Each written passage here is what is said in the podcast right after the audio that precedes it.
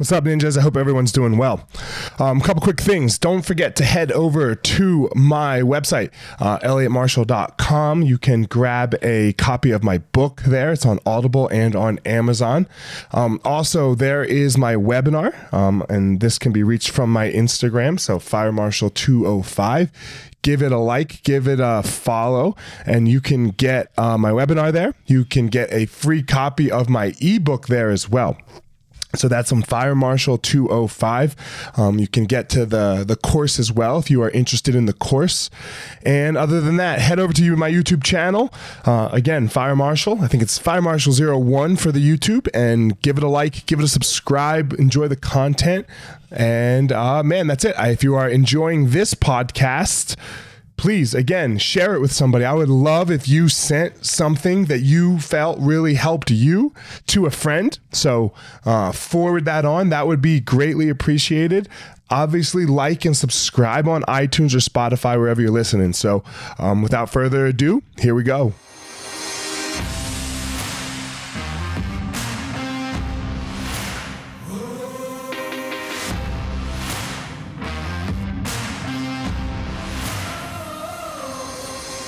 What's up, my ninjas? This is former UFC fighter Elliot Marshall, and this is the Gospel of Fire, where we are going to learn how to go into the fire so that we can find our power and live the best life possible.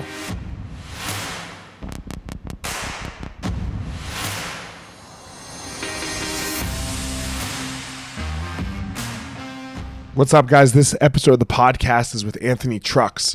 Um, Anthony is a former NFL player um, with a very interesting background. He was uh, given up by his mother at three, lived in foster care, adopted by an all a poor all white family, and he is also Obama black like me. Um, and and that and, and, grew up that way and then was still able to make it to the NFL and after his what he would call like uh, the same that I view my career like failed NFL career because um, you know we don't know who he is from his NFL and he's not a millionaire or billionaire from that um, he was able to reorganize and restructure his life in a way where uh, he is unfuckable with you know you just can't touch him. You know, the events of his life don't deter, don't fuck with his life and who he is. So, right up my alley. I hope he's up yours. So, without further ado, here we go. Anthony Trucks. What's up, Anthony? How are you, man? I'm good, man. Just drinking my green tea, finish some beef jerky. I'm hanging out. All right. How's the weather out there? San Francisco, you said, right? Warming up. Not East Bay. Well, it's it's East San Francisco Bay. Bay area. So I'm in. So there's this Caldecott tunnel. And it's like this mountain range and for some reason like it becomes this bowl and like blockage for cold air. So you can drive through from my east side over to the west side and it'll drop or uh, climb by like 20 degrees sometimes. It's crazy. So, so boulder city, boulders like this. There you go. You know boulders like this. All of a sudden it can be like right now it's sunny and 70 yep. it, i mean within hours sometimes it can like snow it's you know really that's crazy. Yeah. You know I'm out mm-hmm. here. It's it's hot. We're like 90 degrees ish. We're getting up in the 90s. I like 90. Yeah, we're getting like 80s, 90s. The valley is like around 90. Right now we're like like low mid 80s. But let's we get a good sweat, man. I'm, i got like right now it's May, man. It can't be not 90. let me take a look. Oh. It ain't 90 right this second, but it, not here. It's not. But okay. like maybe an hour away in the, in the valley, it gets there. So today, come on, load, load, load. We're 81 right now right now, this moment. The high oh, today, yeah, that's warm. High for today is 81. So we're gonna hold this. and then yeah, but then when you get to like where we're going is uh Clovis. I'm going to Clovis for my son's track meet on Friday, and it's it's 90 degrees there. How old's your son? He's 16. My twins are 11. I got a boy and a girl, and I got an oldest at 16. Okay. Yeah. So you're you're playing zone defense all the time. Mm, yeah, I, I, made this weird metaphor to my son yesterday. I said, "I'm I'm like uh, imagine this dog. It's on this like the edge of a cliff, and they got one of those like electric, you know, like invisible collars, right? And it's on that edge, the thing shocks you." And I said, "You get this like imagine like the dog that keeps running at that and keeps zapping themselves, and they want to stop getting zapped. Well, what do you think would solve the problem? To turn off the fence?" So they go over the edge, possibly, or if the dog to find a way to stop running into the fence. He goes, Well, have the dog stop running into the fence. I say, I'm the fence then. You are the dog, bro. Stop getting in trouble. That was kind of is the message. I try to get him to get it. I think he got it though. He might have finally got it for the first time. He's like, "Well, I'm always in trouble because you keep running at the damn fence, bro. It's nuts." Look, I feel you, man. Parenting. I mean, let let's keep it here for a second with this parenting thing.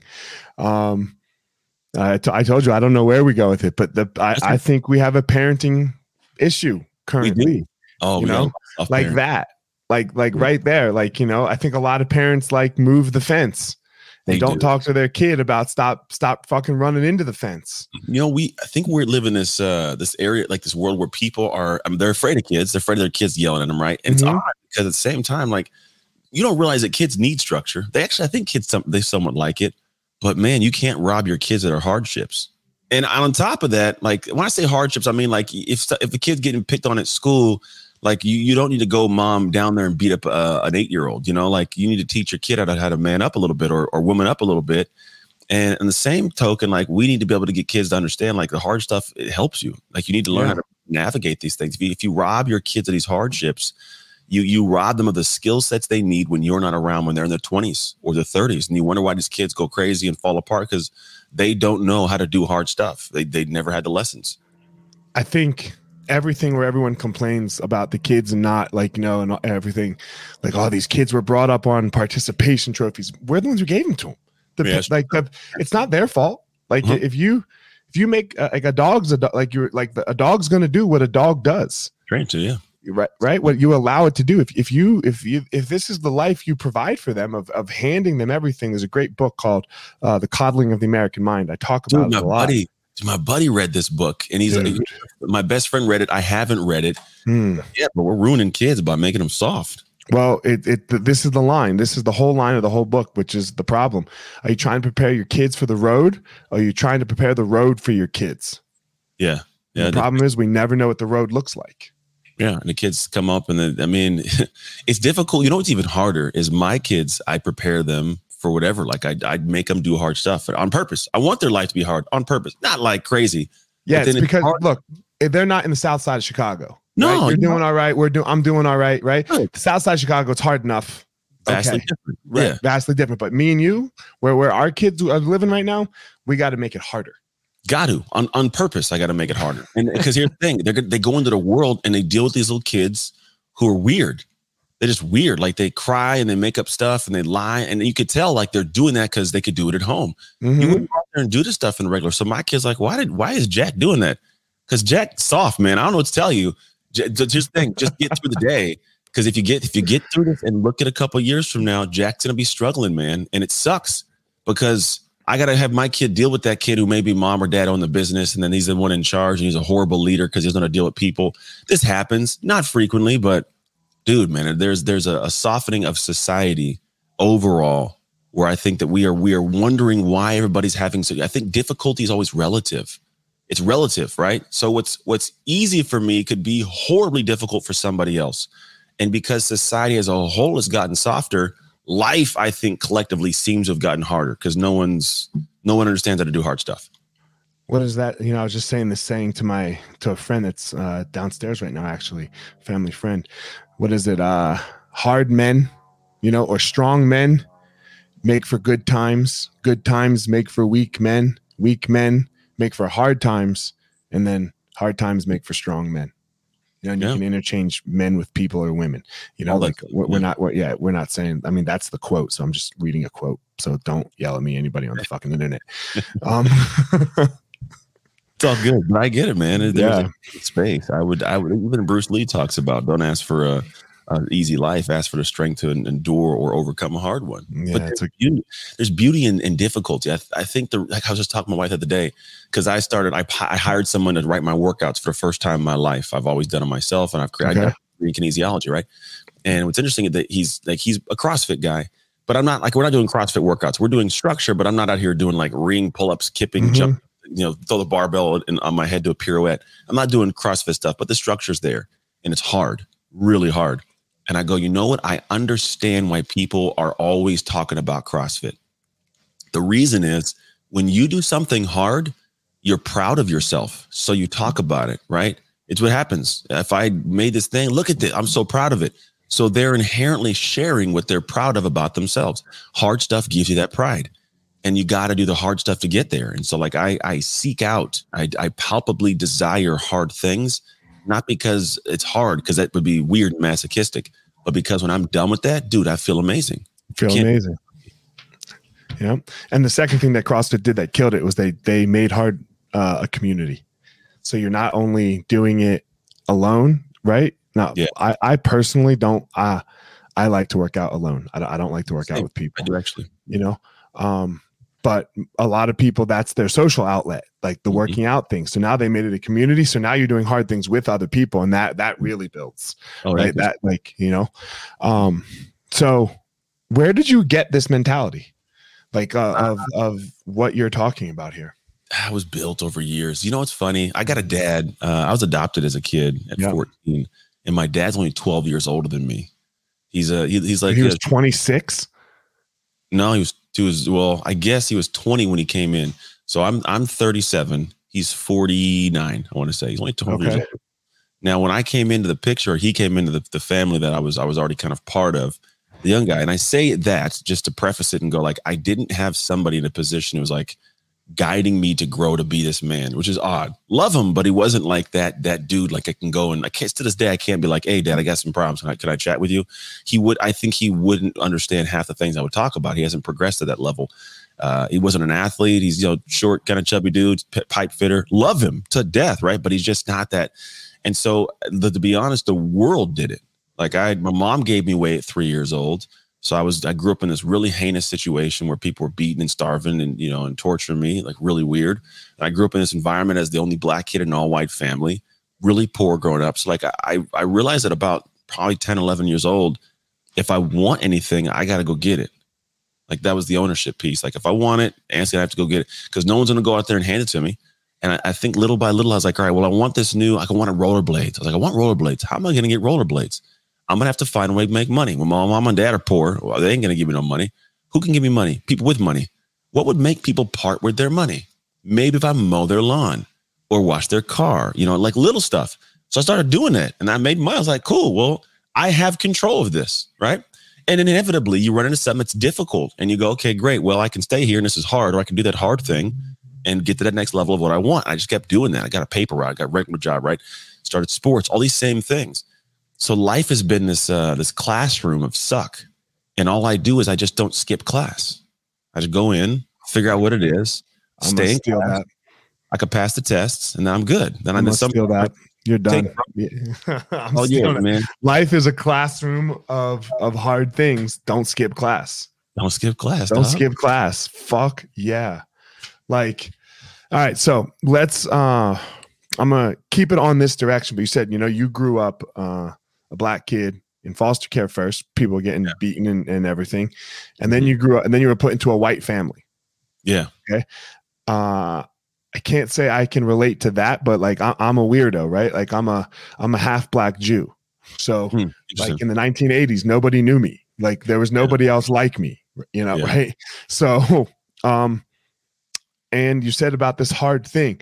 I want to say, and, and I think I agree with the fact that, like, look, racism exists in the world, opportunities are not equal in the world, and all of that stuff. Mm-hmm. And we need to do everything in our power, like you and I, right? The people who have been able to get out and, and make it through all of that. We need to do ever, everything in our power to equalize the out the opportunities for other yeah. young African American males, let's mm-hmm. say. But telling them that it's not fair and that racism racism exists isn't the way out for that individual like when you're yeah. talking to that kid like telling them it's not fair like so how do you balance the two yeah i think for me it's a couple things i look at because my my guy's son right now he's he's they, they got they got stuff they don't have to worry about too much and and i'll even tell them just because you work hard doesn't mean you deserve it because mm-hmm. your level of hard and your it could be way below what your goal is so first, I hate, that, I hate that word deserve. I can't stand that it's word. Odd, it's an odd thing, right? And yeah. but it's funny though, at the same time, I want to work so hard that I have this inherent drive to know that I deserve more, right? Because we say that because eh, I, I, it's a weird thing when you say it in a certain way, it's like, hell yeah, you don't deserve anything. What makes you think you deserve because you worked hard, right? Right but I need to have that that little inkling in me in that moment when it needs it, when I'm challenged or when I'm on a sales call, I want to get a client in, or I'm on stage. I got to realize I've done all that work in the dark, so I deserve to shine right now. So it's a weird place, that space. But I agree, man. It's not, I think people go into the world and say, I worked really hard and I'm really tired and doing everything I can. Well, bro, your hard work level doesn't mean anything. It just, it's Nothing. your level of hard work. That's like a person when I used to train in the gym and I'm working out. How come I can't lose weight? Let me come work out with you. And I go work out and they do a warm up and they're done with their workout. Like, bro, that was my warm up. No wonder why you're still fat and out of shape. Like, you're not, your level of what you want to do isn't what your dream desires and demands of you. So there's that piece to it. But the kids who are dealing with these things, here's what I tell them, man, that life isn't fair and the game exists. But here's what I do know. I lived in the same game. I played in the same game, but I play it harder and better than those who don't look like me, who have a hand up and all that kind of stuff. Because just like they say in sports, you at the end of the day, talent will beat or actually talent can't beat hard work. Pretty much it's like right. uh, hard work will beat talent if talent, talent won't work. Won't work. There you go. Yep. Hard work yep. will beat talent. So the same thing. You if you want to call it talent, it's an inherent given thing, right? I am not inherently given stuff because of the way I look. We'll call it. But damn it, if I don't outwork some people, and then I love it even more, I'm proud of myself. I think at the end of the day, this I've never said it's probably been a podcast much, but I think the scariest thing for society, uh, at least in American society, is an educated, well like a respectable i'm not an arrogant guy. I'm educated. I'm very respectful. I know situations.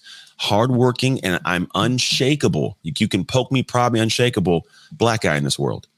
Because if you think about it like there's been a lot of appropriation of the culture. So the cool guys right? The cool is a black guy. Think about cool vehicles and cool trucks. What are they? Matte black all dark right? It's like the things that are batman cool dark right? So even all bad guys there's like this sleekness to them so that the dark is for some reason cool the same capacity, most of the time, we, we aren't given a leg up, and then we're you know we're, we're deemed as these these you know bad guys. But if I can walk into a room like I do, and I got my head up, and I can look dudes in their eyes and speak with a clear thought and enunciate my words properly and hold a space, and that, that you see grown men older than me, they qu- they quiver and cave a little bit because I have a I have an I can, I, I, call it in my room I have a powerful stance. I'll just call that. Mm-hmm. I can hold a space. I teach my boys this. I teach my sons, like, look, don't go into a room and be arrogant. That's not who we are, but hold your space, dude. Have kind yeah. of character. And that that I believe is scary for society because I, I I think if you can understand how to do that in a respectful way, you're playing the game better. You're playing the game better because you're having to do the things that are intangibles to show up in a different way. It's scary for society and it is very powerful for the individual. Yeah, right? man. Like it, it's yeah. very, very powerful for the individual when you can walk into a room and and just own the fucking room. Like, like, because I feel you. It, you own the fucking room. Like everyone knows when you're in the goddamn room, and yeah. it's not even because you say anything. Yeah. Like there's there's no words coming out. You're like, look, my vo- I, I, get it. My voice can be very loud, but when I walk into a room, I don't got to say shit. No, you, just, you just walk in and people go, okay, this dude's here and most of the time i'm a i'm a very happy joyous guy. Most of the time i'm in the room smiling. I'm a smiling guy. But there's a certain level of of air and confidence that I, I'll, I'll walk into a space and i can see the person who's holding the space. And most of the time it's not this like sleek sit back and eyeball in the room like you know like i'm some thug like or and i say thug not like a black guy thug but like an actual rapper. Like you walk in 50 Cent sitting there. He, he's gonna he may mean mug you a little bit, right? But I come in like, how's everybody doing? And because of the the joyousness to me, it's like that dude's got to be confident to be joyous and happy like that, right? And so there's a part of that when I want to hold the space. All it is is can I be transparently me, unashamed, without the judge, without the right. So I don't walk into a room and I'm doing my thing. Hey, hey, and I see somebody and go, oh, um, oh, well, that is the most depleting moment because the, because they're like, oh, that dude don't he don't he can't be himself right now. So I'll walk into with anybody and be that guy. You said something else too uh, before, and then you just kind of touched on it again. Like nothing can fuck with you almost. Pretty right? much. Like there's there's nothing that anybody else can do to you to fuck with you.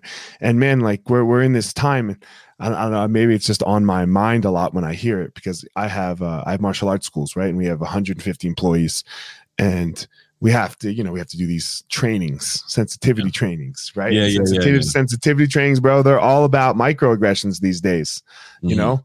And these people, they they played us this video, you know, and we were already uh we were already contentious because they wanted us to lose the words male and female and never say them again. And mm. I was mm. like, you must have lost your fucking mind.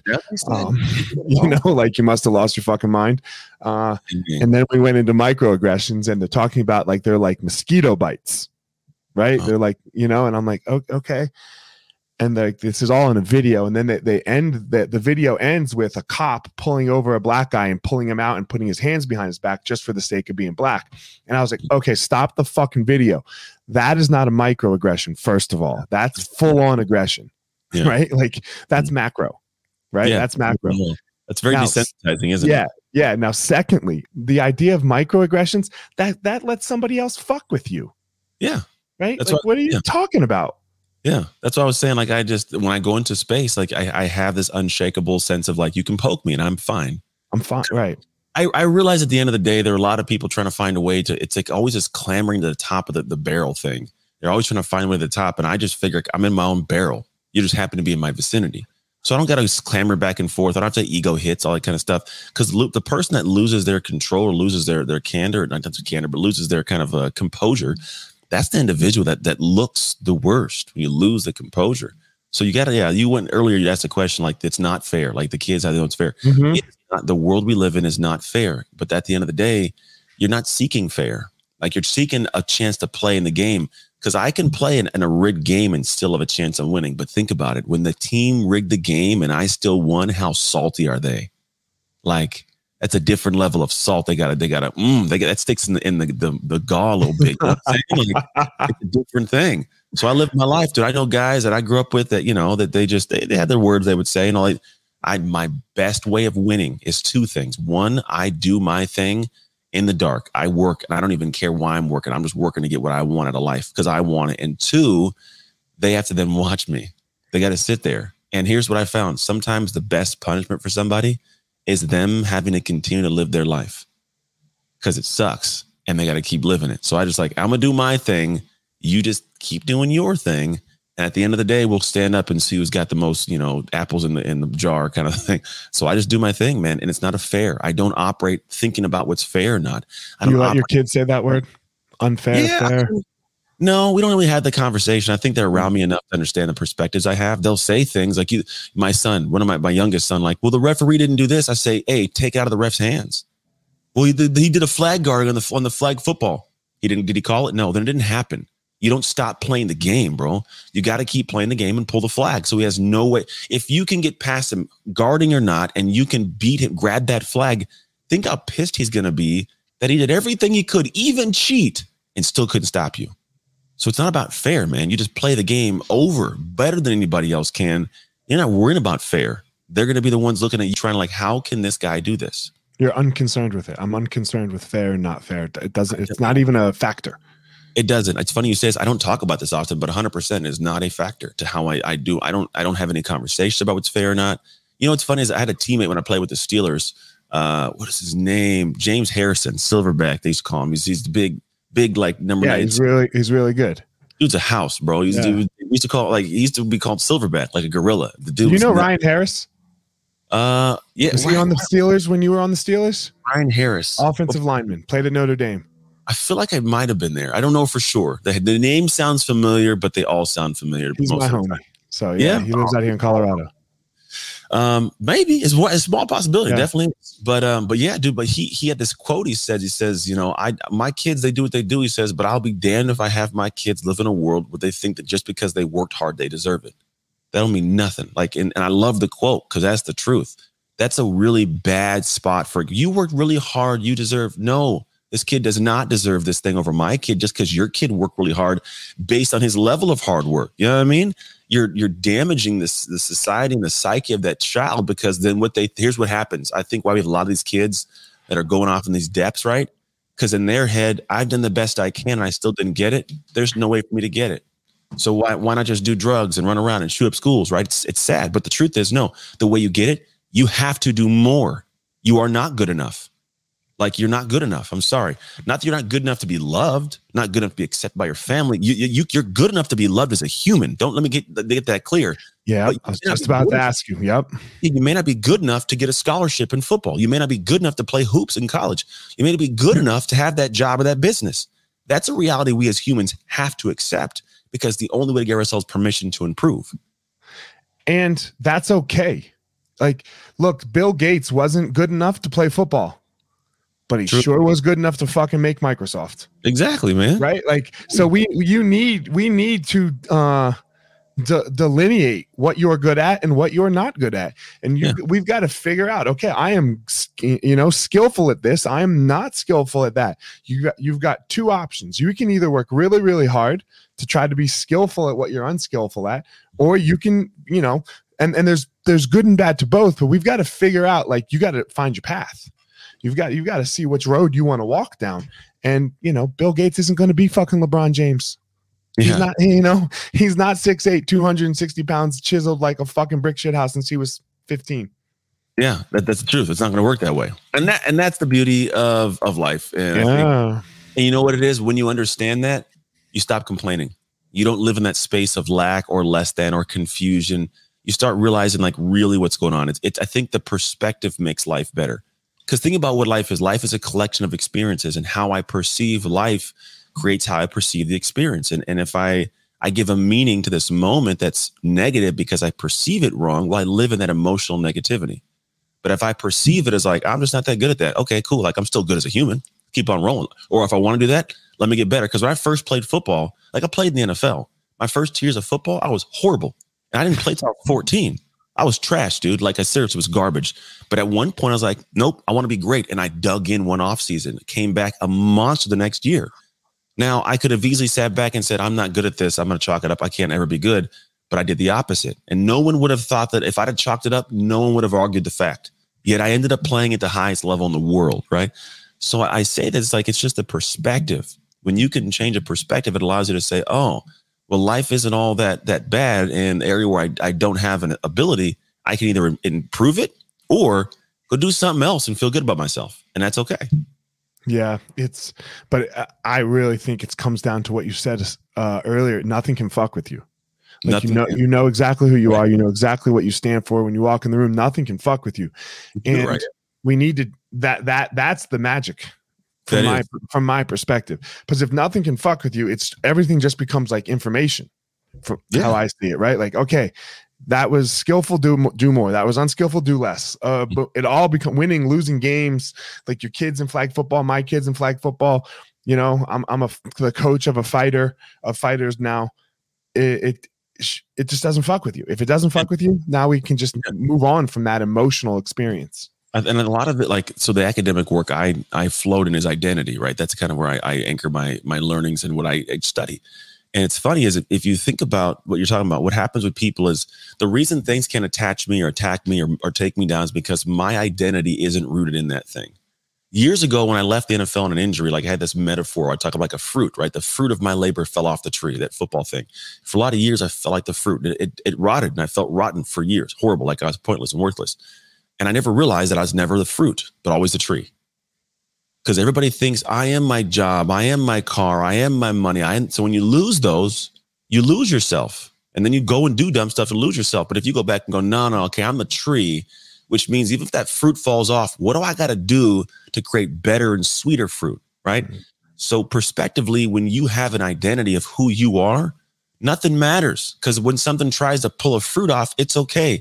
I got 10 branches full of fruits, dude. The tree is what I'm worried about. You chop the tree down, we got problems. But take a fruit.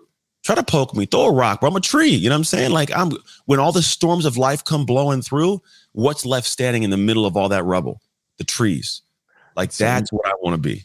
It's so interesting we use a- a very similar metaphor uh, for the identity thing. I like to say I'm a tree whose Mm. roots go deeper than any fucking shaky ground. Yeah. So when the that. ground shakes, right, and and and and all everything falls off and the leaves fall off, the roots go so deep that You hold we're, it. we're still alive, and it doesn't even matter. I got build to it. Just build yeah. it again. in my coaching programs, we have something we do called roots and fruits. And there are Okay. five roots we work on, which is it's faith, family, health, friends, and emotions. Okay. If I have emotional control, I have faith in self or higher power. If I have my health, if I have great friends and a great family, like when things go crazy, I got deep roots in these areas, I'll hold. I can lean on the family. My body's in shape. I can lean on my friends. I can go to my faith, right? I can I can control my emotions.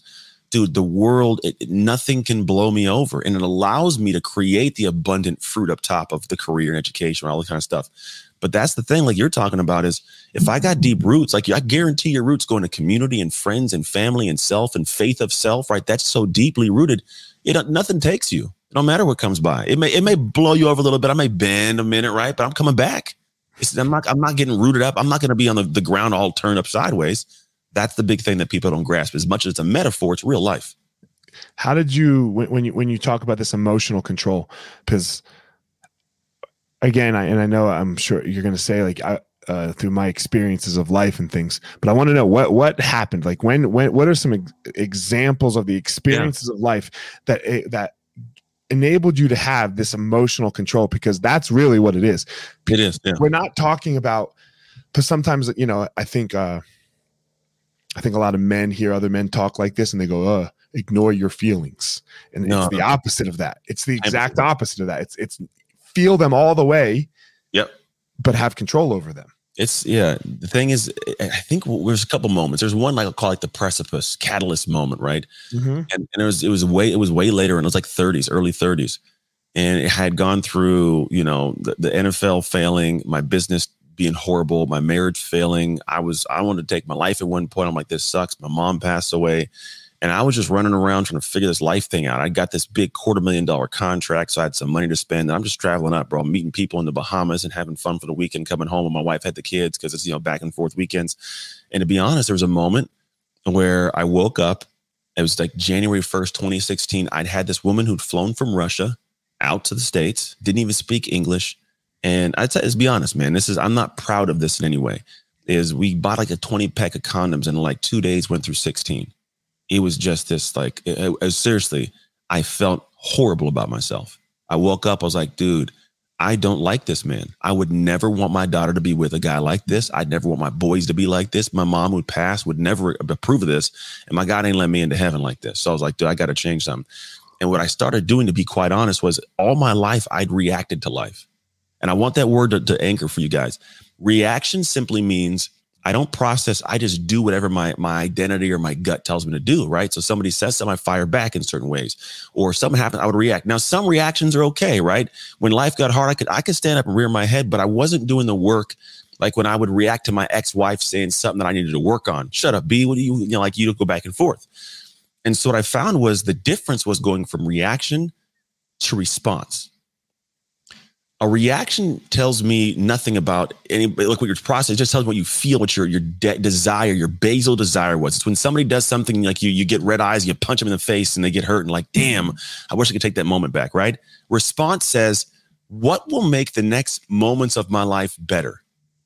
Because then i get to do that. And here's the thing it doesn't always mean the response feels good because to be quite honest, a lot of the time it feels horrible, but I know it needs to be done. For example, if I'm in an argument with somebody and I know mm-hmm. I'm wrong, I don't want to say this. My reaction will keep going back and forth. My response, if proper, will go, okay, damn it, they're right. You know what? The right response to make this get done faster and to be able to move past is to, to apologize. I don't want to apologize. I don't want to apologize, man, but that's the right response. Hey, hey, love, I'm sorry, man. I messed up. I should have been there to get that. Whatever it is. That's the response now, right?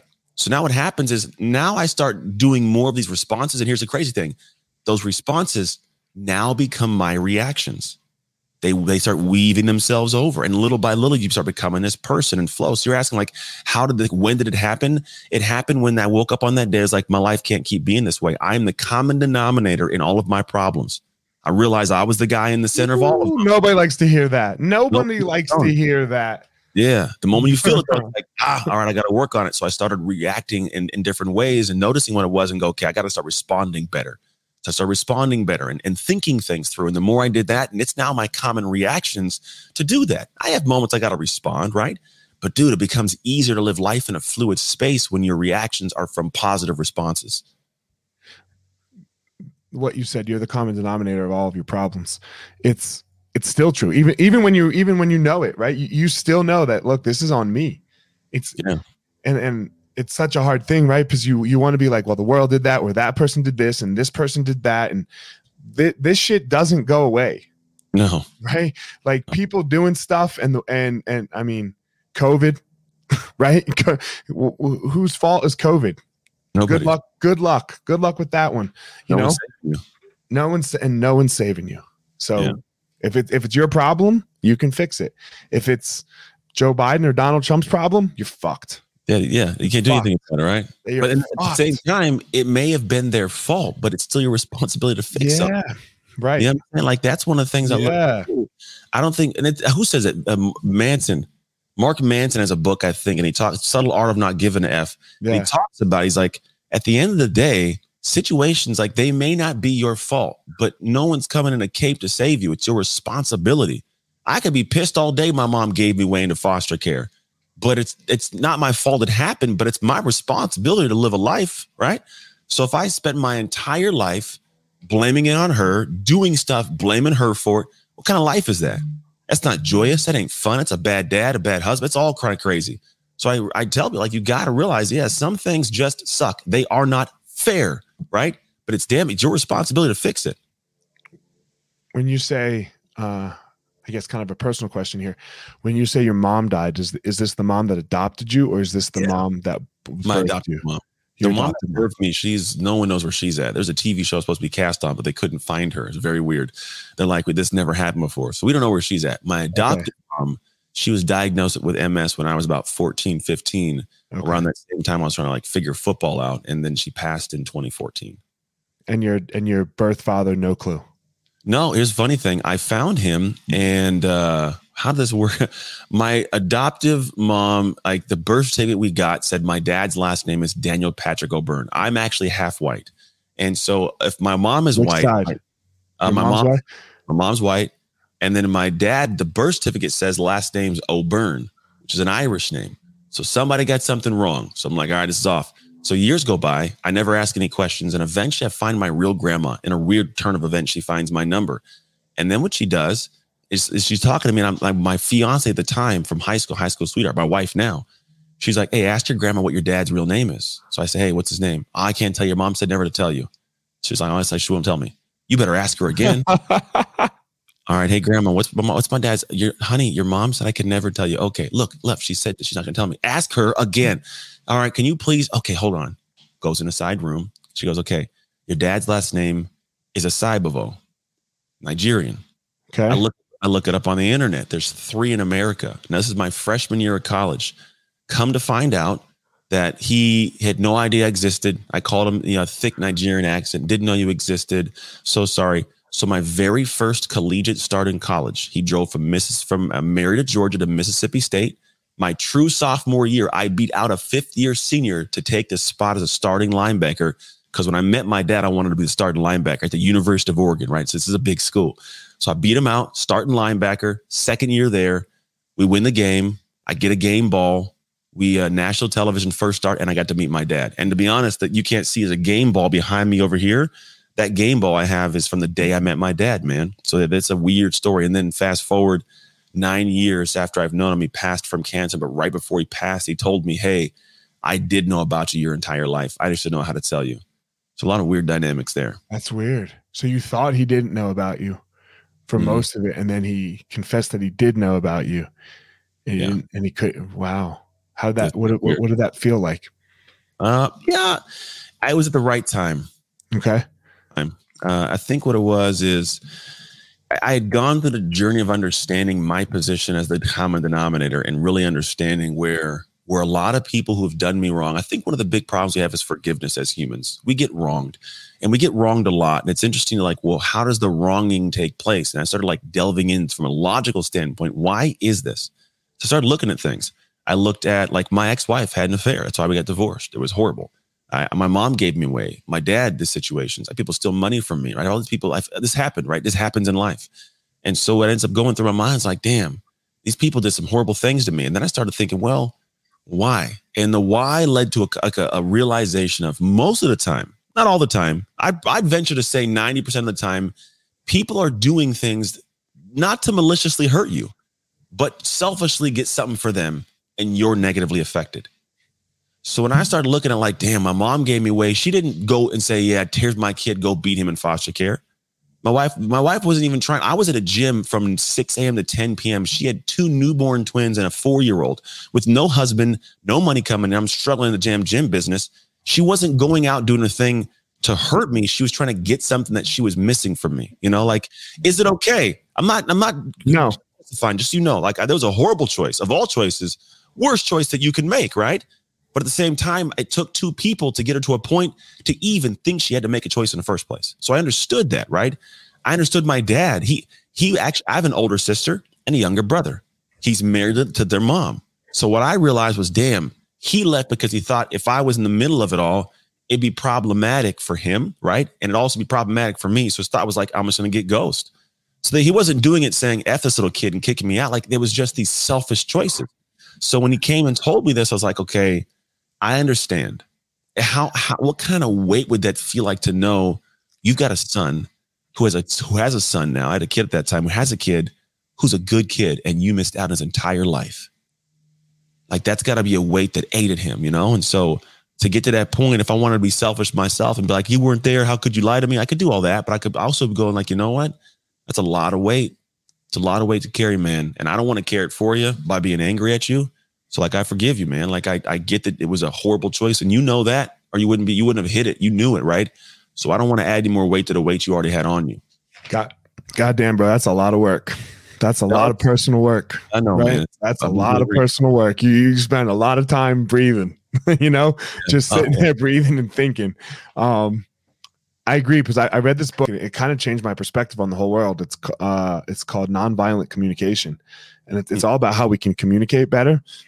But the the first two chapters are on feelings and needs, and I, I almost closed the book after the first chapter because the first chapter is on feelings. Gotcha. And I was like, God damn it, this is about to be one of those fucking woo woo, right? Like my feelings, Matt. Oh, fuck. I was like, I'm going to give it 10 minutes. I'm going to give it 10 minutes of this next chapter. Mm. And I didn't need to give it 10 minutes because, like, the first sentence of the next chapter was your feelings are 100% on you, first of all. Mhm. And then, second of all, you feel a certain way. And it's what you were just saying because you have a need that's not getting met Yeah. right? You have a need that's not getting met, so you may you feel a certain way. Now, can you? Now the book is all about how to communicate your needs, but uh, it's so amazing, like because that that just changed my perspective on the whole world. So when when Yeah. anything happens, good, skillful and unskillful, wife mad, wife not mad, mom, whoever, I'm like, oh, what's their they, they got a need that we're missing here. So what's the fucking need? Mhm. right? What's the need? And that's kind of what you were just talking about. Like, Yeah. it's, a, Yeah. it's all what you were just talking about. You got to realize that these people didn't do anything to you. They they just had a need that was off that that wasn't happening. And, and the thing is, is, is that when people can lean to understanding that about people, you can get to the point. Now, doesn't mean you have to forgive and forget. Doesn't mean that they're okay. Like it just, it just means that you yourself can make some kind of logical sense of an illogical situation. Because the truth is, it is hard for us to truly understand anything. I think that's the, the worst torturous prison, trying to make sense of somebody else's thoughts. I don't, I don't understand. Like I could sit here with you and talk for a while. We might agree on a lot of stuff, but there's, there's inevitably going to be some I just don't get. Like, why do you do that? And you know why? I don't have your parents. I don't have your your upbringing. I don't have an inkling of your life experience that that's come together to create the subconscious and the conscious. So it's like jumping in. You remember that movie, The Cell, where Jennifer Lopez yeah. Yes. head, right? Yes. I'm in this. I'm in the crazy playground of some random dude's mind. I don't know what's going on in there. Why am I going to try and freak out, trying to figure out this craziness? So it's like I'm just going to stay in my brain and go. You know what? What I can make sense of is me and human logic to an extent, and be like, you know what? I'm not about to. I'm not about to hold this against you in the same way. Don't do that again. Like, I'm, I'm may not even give you the chance to do it again, but I'm not going to be in this prison trying to make sense of this damn thing. It's just not going to make sense. And I really liked what you said too about not um if you are angry with somebody about what they quote unquote did to you, uh yeah, that's a lot that's that becomes your weight now. Like Mhm. you you have to put that backpack. You have to put that weight in your backpack and carry that around. That's how it works. And that's very, very heavy. It's a heavy thing because it's a weight that you don't know when it'll come off, and you don't realize how heavy it is until like you're, you're carrying it, and you're like, damn. And then you know you get resentment because you're carrying it and you can't do something else. You can't go into some new stage. Like it, it becomes weird. And and human beings, man, we we don't even think about the weight. We never, we don't like very rarely do we consciously step back and look at what's going on. You know, because I think if we do that, we'd be surprised. But like you said, I almost want to close this book it's all about feelings. We are met with these things that feel uncomfortable, and no one really likes discomfort. That's why the gospel of fire, right? No one Mhm. likes fire, boo, but it forges, it makes things stronger and solid, and it holds, it keeps, it, you know, like it, it, it solidifies. And a lot of people run from that. They leave class, you know, like they run. And so no wonder why your life ends up being this crap show you can't make sense of. because you're just not even experiencing or even looking into the things that are, are adjusting or affecting life in the first place. Yeah, it's uh, and this is and like you said, I think it's so interesting that you said you made this. Sh- you know, you really started to realize this in your 30s, right? Yeah. Like with with with the Russian girl and and whatnot, like that that weekend or whenever it was, and and that's such a thing, right? Like because I, I know I didn't start realizing until I was in my mid 30s. You Mhm. know, I was just going through it and like you know reacting all the time, rather you know, and and the world does have a way of catching you though. Yeah. The world has a way of saying, "Hey, I'm here, homie," and and it, and it lets you know. Um, I said I was going to start with this question, All right. but I never even got there. All right. you know, We got yeah. time. We time. So, I believe that everyone in the world has a superpower. Yes. You know, I Mhm. believe everyone in the world has something in the world that makes them amazing. It's got nothing to do with money. It's got nothing to do with fame. None of that. Yeah. It, it might for some people, like Mhm. it might, doesn't have to. On your website and in the bio you sent me, it said your superpower is making the shift. Yeah, man. Explain I- that. So there's a lot of ways. Just look this way. When I look at the work I do, it's make an identity shift. Everything Okay. we're talking about right now are traits of a certain identity somebody might be in, right? So I, I'm able to shift the identity. It doesn't mean I change myself. I'm not a chameleon. I'm not like gonna be like, hey, how are you doing today? And then all of a sudden, like, what's up, cuz? You know, like that's not, I'm not that. Yeah, you have a good voice like that. Hey, how you doing today? I can That play around weird. with it. You know what I mean, so the idea is like I, I'm not gonna, I'm not changing that or adjusting that. I'm shifting the small perspectives or small ways I operate at the core of me to get a vast difference. Think about a plane traveling across a couple thousand miles. A one degree shift in trajectory lands in a vastly different place. Did you read Atomic Habits? I've read Atomic Habits, but you know, funny, I, I've been saying this before I read it. To be quite Okay. honest, it's a good metaphor. It's a phenomenal Yeah, metaphor. I'm reading. My, I'm reading it right now, and they use this. They they James Clear is great. It's yeah. phenomenal he does. And so He- the thing he talks about is the habits of it, right? Which, to be honest, the work I do, it, the base of it's there. And they do mention identity, but no one talks about the fact that your habits will create an identity. But have you thought about the identity you're creating? Like that's what nobody does. Like so, I was like, so my book that comes out and the work I do is more like, wh- what? Let's think about the identity you want to be, and then let's think about the habits to put in place. There are definitely some more positive and like negative you probably should have a habit of working out more than you have sitting down and eating candy bars, right? We get that. But there may be like, how do I forgive? That could be a habit. How do I have hard conversations? Could be a habit. You know, there's certain things that can be woven. How I do parenting things could be a habit. But are they leading to the place I want to be? That's a big piece of it. So when I talk about the shift, what I'm looking at is like, okay, where do I want to go? What needs to be shifted to get there? And my real like the depth of that, the way I would interchange shift is like I'm adaptable. I'm I'm creepy adaptable. If my marriage wouldn't work if I wasn't adaptable, because my wife changed her damn mind all the time. But I can find joy in adapting the moment. She's like, hey, I want to go do this, hang out my friends instead of doing that thing. All right. Like, or most guys like, I don't want to go with your friends. I don't even like her friends like that, but they're cool. I don't love them like she loves them, obviously. but I'll go and I'll have a good time. You know, I'll really have a good time because I I choose to shift in that moment the perspective on what that's gonna be. So I'm I just I've mastered that skill to where now it's a reaction for me. So my life is like 95% amazing. Because when something goes wrong, I don't have to feel like it all went wrong. I'm like, all right, what's what's the silver lining in this? Cool. All right. Hey, let's pivot. Hey, we're gonna make a little shift here. Let's let's do let's try something else. It's like a game I get to play. My identity is not wrapped up in that end result. It's how I get to look at myself at the end of the day of how I handled these different situations to have a result. So for me, like when I when I look at my superpower, dude, it's like adaptability in the matter of how I can shift on a dime at times, but still keep that momentum flowing.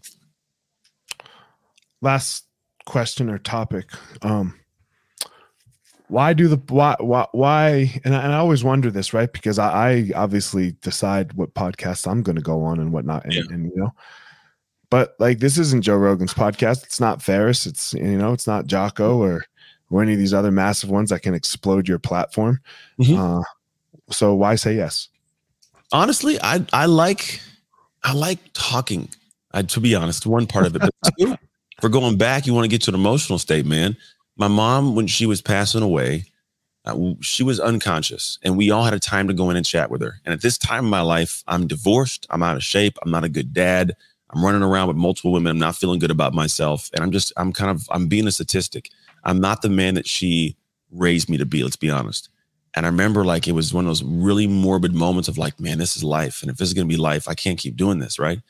And I made a promise too. I said, one promise, mom, I'll figure this damn thing out. I will figure this life thing out, mom.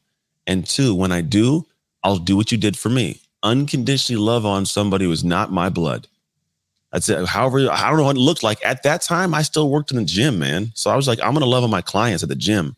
But at first, I had to fix my own damn life, right? So this is where I went to that, that transformation of figuring out, like, and the crazy thing that happened in 2014. My mom passed. It took me two years to really wake up on in 2016. You know what I'm saying? Like, it wasn't like it happened overnight. It wasn't like I walked out of the hospital like, let's go. It was, I was still, mm-hmm. you know, but eventually I got to that point of like, I'm gonna get my. And when my life got back on track, I was like, okay, I feel confident enough to start talking about some of the things I've gone through. Maybe they'll help some people. That was the way I figured maybe I could make some sense of my crazy life and really get to the point of giving and making promise too good of like giving back to the world. I started doing that.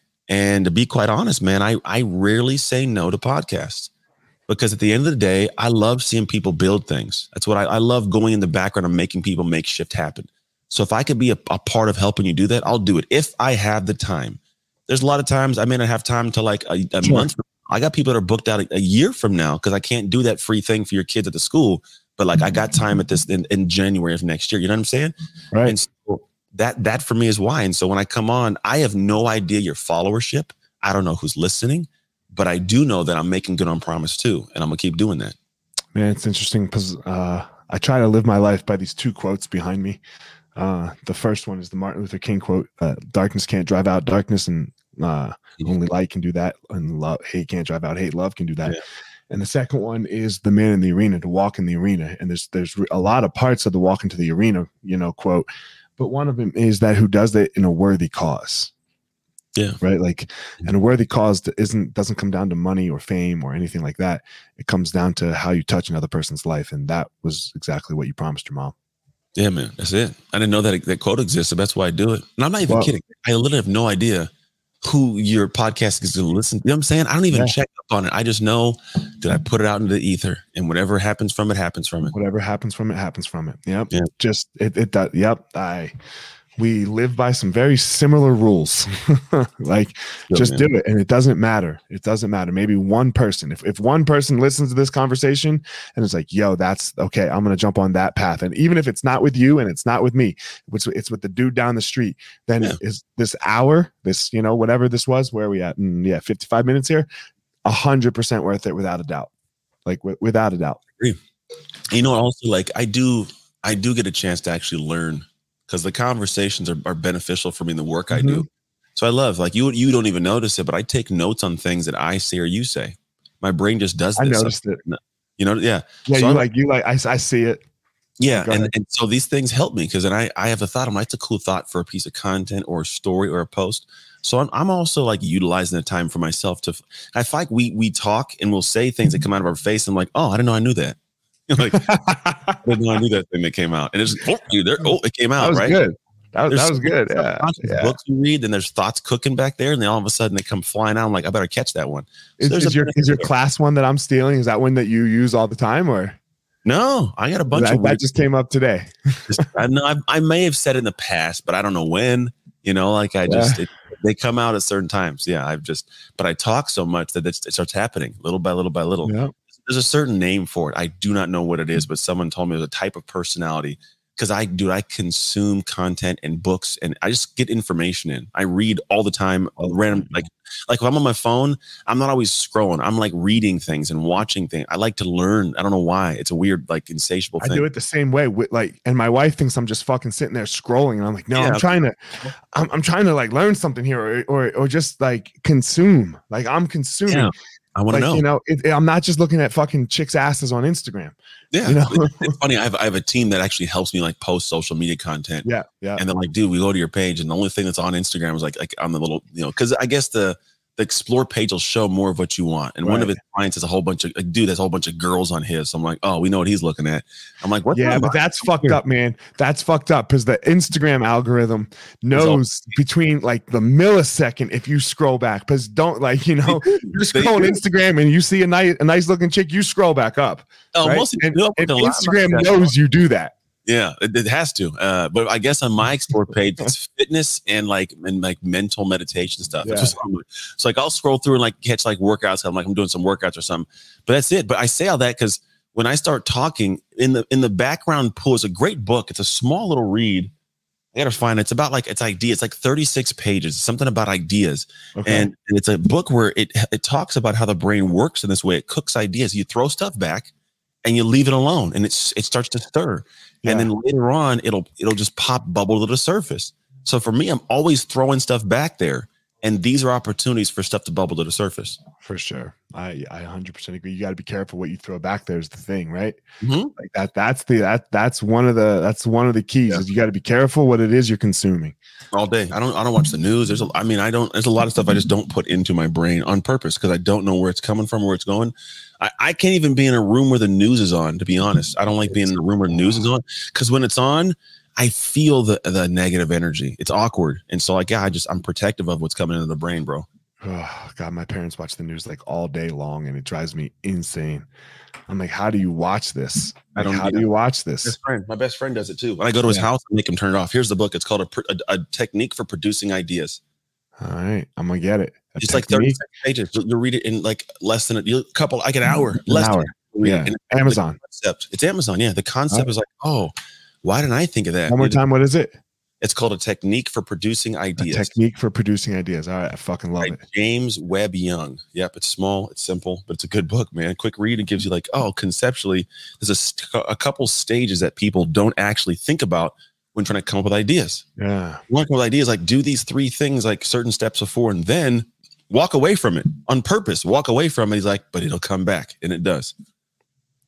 amazing. Homie, tell everyone where they can reach you. uh, go to Instagram at Anthony Trucks, or uh, if you if you want to get my book that comes out in August 24th, go to identityshiftbook.com. Identity Shift Book. Anthony Trucks on Insta at Anthony Trucks on Instagram. Yes, sir. Guys, as always, Anthony has his superpower, the thing that makes him amazing in the world, and I have my power, the thing that makes me amazing in the world.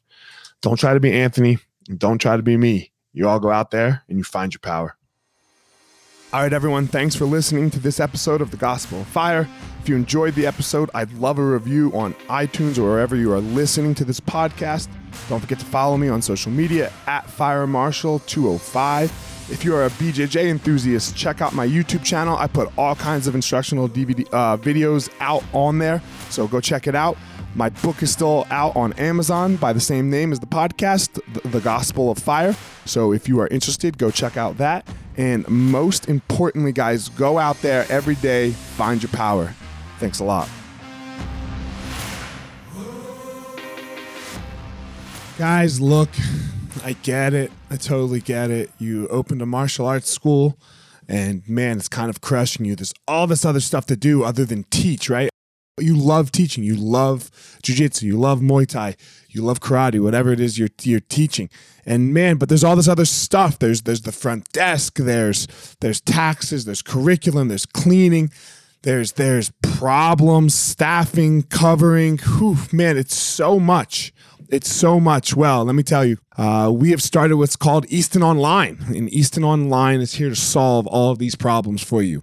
Easton Online is a digital academy for martial arts school owners and managers.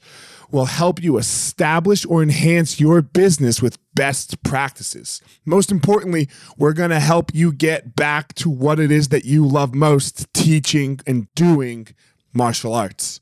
Okay, so for more information, guys, go to easton.online. Again, that's easton.online. Add your email. You're going to get notified about the course launches. Our first course is going to be all about the first impression specialists, your front desk and all kinds of stuff, special offers, promotions, as well as we started a podcast by the same name, Easton Online, that's gonna talk about our process of how how we went from a tiny little martial arts school to what is now seven martial arts schools, seven Brazilian Jiu Jitsu Muay Thai schools, um, in a very holistic way that we believe um, kept the integrity of the art and also deals with its people very well. So again, easton.online, enter your email, and you're gonna get all you're gonna get everything you need right there. So thanks, guys.